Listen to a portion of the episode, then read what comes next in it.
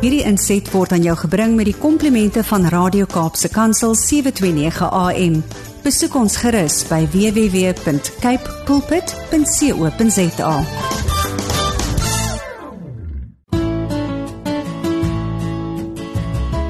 Goeiedag, my naam is Elsje Rondgen en ek nooi jou om saam met my by Jesus se voete te kom sit terwyl ons hartsgesprekke saam met hom gaan hê. Weet jy daar is 3 woorde wat die Satan laat sidder en dit is kom ons bid. Weet jy as ons net kon besef hoe kragtig gebed is, sou ek en jy baie meer bid en minder bekommerd wees oor ons alledaagse lewens. So kom ek en jy bid saam. Aba Vader, baie dankie dat ons nou die voorreg kan hê om nou met U te kan gesels. Here, ek kom vandag na U toe net soos wat ek is. Soms so kaalvoet en kaal hart, Here. Here, U sien in elk geval wat in my hart aangaan en ek vra vandag vir U dat U my sal kom ontmoet, nou net hier waar ek is. Here, ek het U nodig elke oomblik van my dag. Here, dit is U wat dit moontlik maak dat ek nou my volgende asemteug kan gee. Here, kom vat my hand en leer my meer van U. Here, ek wil U beter en beter leer ken. Ek wil U as my Abba Vader ken. Open asseblief my ore sodat ek vandag kan hoor wat U vir my wil sê. Mag my lewe U eer bring, die eer wat U verdien, Here. Ek bid dit in Jesus naam. Amen. Ek wil vandag vir jou die volgende vraag vra waarvan ek seker is jy definitief ja hierop sal kan antwoord. Was jy al verlief? Onthou jy die vlinders in jou maag? Onthou jy die eerste keer wat jy jou beminde raak gesien het? Onthou jy die eerste keer wat hy jou hand vasgehou het en dalk diep in jou oë gestaar het en die mooiste woorde in jou oor gefluister het? Ek onthou dit so goed. Weet jy 'n mens wil mos heeltyd in mekaar se geselskap wees en jy wil alles met mekaar deel en jy wil raad van mekaar hê en dan raak 'n mens beste maats en so groei hierdie verhouding later tot 'n pragtige liefdesverhaal. Weet jy, dit is presies dieselfde met Jesus en dit is met dieselfde passie wat Jesus 2000 jaar gelede vir my en vir jou aan die kruis gesterf het sodat hierdie intieme verhouding tussen jou en hom kan groei tot 'n liefdesverhouding. Wanneer 'n man gewoonlik 'n vrou vra om met hom te trou, dan buig hy sy knie en hy vra haar en Jesus het met gebuigde knieë aan daardie kruis gehang om vir jou en vir my terug te koop uit die kloue van die vyand.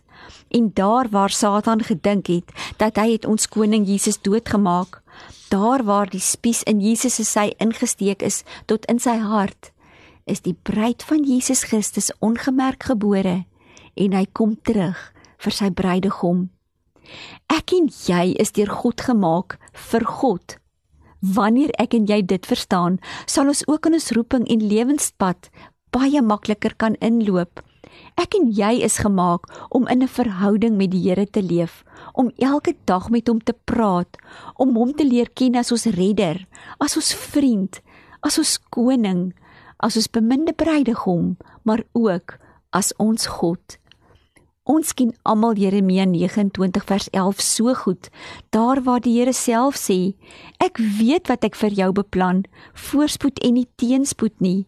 Ek wil vir julle, vir jou 'n toekoms gee, 'n verwagting. Dan sal jy my aanroep en tot my kom bid en ek sal jou gebede verhoor. Weet jy Jesus het 'n wonderlike plan met jou lewe want jy is uniek. Ek was seker so 8 jaar oud toe een van my klasmaatjies vir my gevra het of my ma my hare oranje kleur. Want jy sien, ek het wortelrooi hare gehad toe ek jonk was. Ooh, ek onthou nog so goed hoe dit my laat voel het en ek was skaam daaroor en ek was hartseer tot iemand eendag vir my vertel het, "Weet jy Ilse, daar is baie min mense wat jou kleur hare het." En ek het net besef, maar eintlik is ek spesiaal en so wou die vyand vir my minderwaardig hierdeur laat voel, maar die Here het gekom en hy daardie wond van my genees. En ek wil vandag vir jou sê dat jy is spesiaal vir die Here. Jy is sy beminde. Jy is 'n prins en prinses van die Allerhoogste God, want jy is kunstig gewewe en beplan om aan hom glorie te bring met jou hele lewe. En is my en jou lewens perfek? Glad nie. Maar weet jy ons toetse en seer kan kragtige getuienisse raak en die Here gebruik gewone mense soos ek en jy om buitengewone wonderwerke vir sy koninkryk te doen. Die woord sê so mooi dat dit is nie meer ek en jy wat leef nie, maar dit is Jesus wat in ons leef. Jesus het in Johannes 17 vanaf vers 16 gebid en hy vra daar vir Abba Vader om ons een te maak met hom dat ons in dieselfde heerlikheid en glorie sal leef soos wat Jesus met God geleef het. En dit is sy hart vir elkeen van ons. Weet jy wanneer 'n mens lief is vir die Here raak alles wat vir hom belangrik is ook vir jou belangrik sy passie raak my en jou passie sy oë raak my en jou oë. Sy hande raak my en jou hande. Sy voete raak my en jou voete. En so raak ons dan 'n ambassadeur vir die koninkryk van God. Ek deel graag die volgende getuienis met jou. Ons het 'n paar jaar gelede die voorreg gehad om met die prostituie by die Rooilig area in Amsterdam om vir hulle van Jesus te gaan vertel. En ons het een aand so 'n getuienis aand gehad. En hulle het so gehuil en hulle is so stikkend en hulle is so minderwaardig. En toe die aand verby is en ons het hulle gegroet, dit was seker nie 2 minute nie, toe kom daar eenetjie teruggehardloop met 'n pragtige trourok, 'n splinternuwe trourok in haar arms. Toe het daar 'n swart motor gestop en iemand het uitgeklim en hierdie trourok bo op die volle sakke gaan neersit. En weet jy wat wys die Here vir ons? Jesus sal sy bruid gaan haal. Hy sal sy bruid gaan optel al is haar lewe op die vullis hope. Hy sal sy bruid versorg en verbind. Jesus het gesê hy is by ons en hy stuur vir ons Heilige Gees en hy los ons nooit alleen nie. En weet jy dit het ons net so bemoedig en ek wil vandag vir jou sê dit maak nie saak hoe stikkend jou lewe is nie want die Here kan dit regmaak. Die Here kan jou heel maak net soos wat hy vir ons gewys het waar hy sy bruid sal gaan haal. Daar staan in Jesaja 61 vers 1 tot 3 Die gees van die Here het oor my gekom. Die Here het my gesalf om 'n blye boodskap te bring aan die mense in nood. Hy het my gestuur om die wat moedeloos is op te beer, om vir die gevangenes vrylating aan te kondig, vryheid vir die wat opgesluit is aan te kondig en dat die tyd gekom het waarop die Here genade betoon. En dan staan daar verder, die dag wat hy almal wat treur eer sal gee in plaas van smart, vreugde in plaas van droefheid en blydskap in plaas van hartseer. En die Here betoon vandag genade aan jou. Dit maak nie vir hom saak hoe stikkend jy is nie. Jy is goed genoeg en jy is heeltemal aanvaarbaar vir hom. Hy roep jou vandag net soos wat jy is.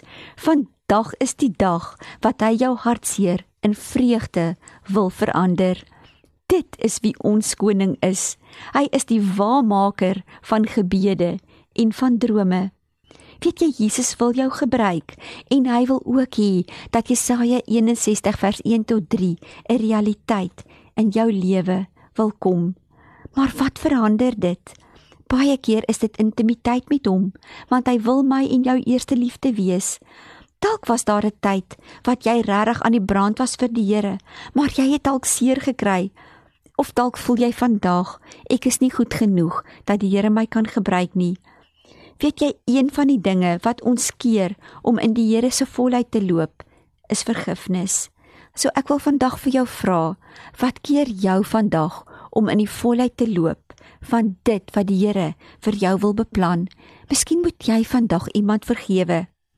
Die disippels van Jesus was vissermanne gewone mense soos ek en jy. Hy het hulle gekies en hy kies jou vandag. As 'n mens na Dawid se lewe kyk, hy het nie 'n maklike lewe gehad nie, maar Dawid was 'n man na God se hart. Hoekom? Want hy was opreg voor die Here. En dalk dink jy, weet jy Ilse, Ek wil ook graag soos Dawid in opregtheid voor die Here lewe. Dan wil ek vir jou sê, kniel vandag en maak reg met hom. Weet jy die Here wil jou nuut maak. Inteendeel, hy wil jou splinter nuut maak, want alles gaan oor Jesus. Alles gaan oor 'n liefdesverhouding met hom, want hy kom vir 'n bruid. En ek wil vandag vir jou sê, mag die passie wat hy vir verlowerenes het, ook in ons harte brand. In Efesiërs 1 van vers 17 bid Paulus dit so mooi en dit is ook my gebed vandag vir jou. Ek bid dat die God van ons Here Jesus Christus, die Vader aan wie die heerlikheid behoort, deur sy Gees aan jou die wysheid sal gee en hom so aan jou sal openbaar dat jy hom werklik kan ken. Ek bid dat hy jou gees oë so sal verhelder dat jy kan weet watter hoop sy roeping inhou en watter rykdom daar is in die heerlike erfenis wat hy vir jou bestem het en hoe geweldig groot sy krag is in my en jou is wat hy in ons uitoefen vir die wat glo. Dit is dieselfde kragtige werking van sy mag wat hy oef uitgeoefen het toe hy vir Jesus Christus uit die dood opgewek het. En nou sit Jesus aan die regterhand van die Vader. En ek wil jou uitnooi om hierdie gebed van Efesiërs 1 elke dag oor jou te bid. Ek sluit af met die volgende: As ek val, dan tel hy my weer op.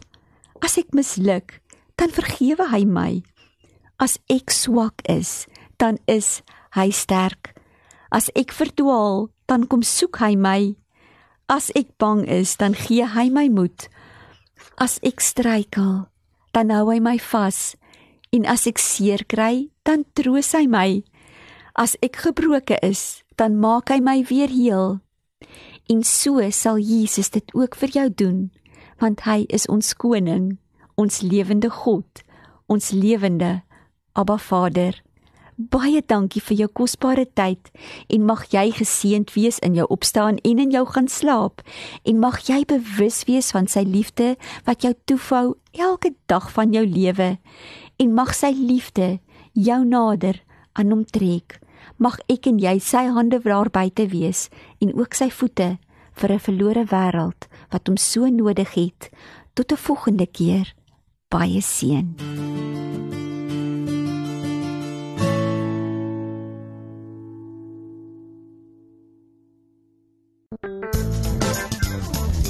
Hierdie inset was aan jou gebring met die komplimente van Radio Kaapse Kansel 729 AM. Besoek ons gerus by www.cape pulpit.co.za.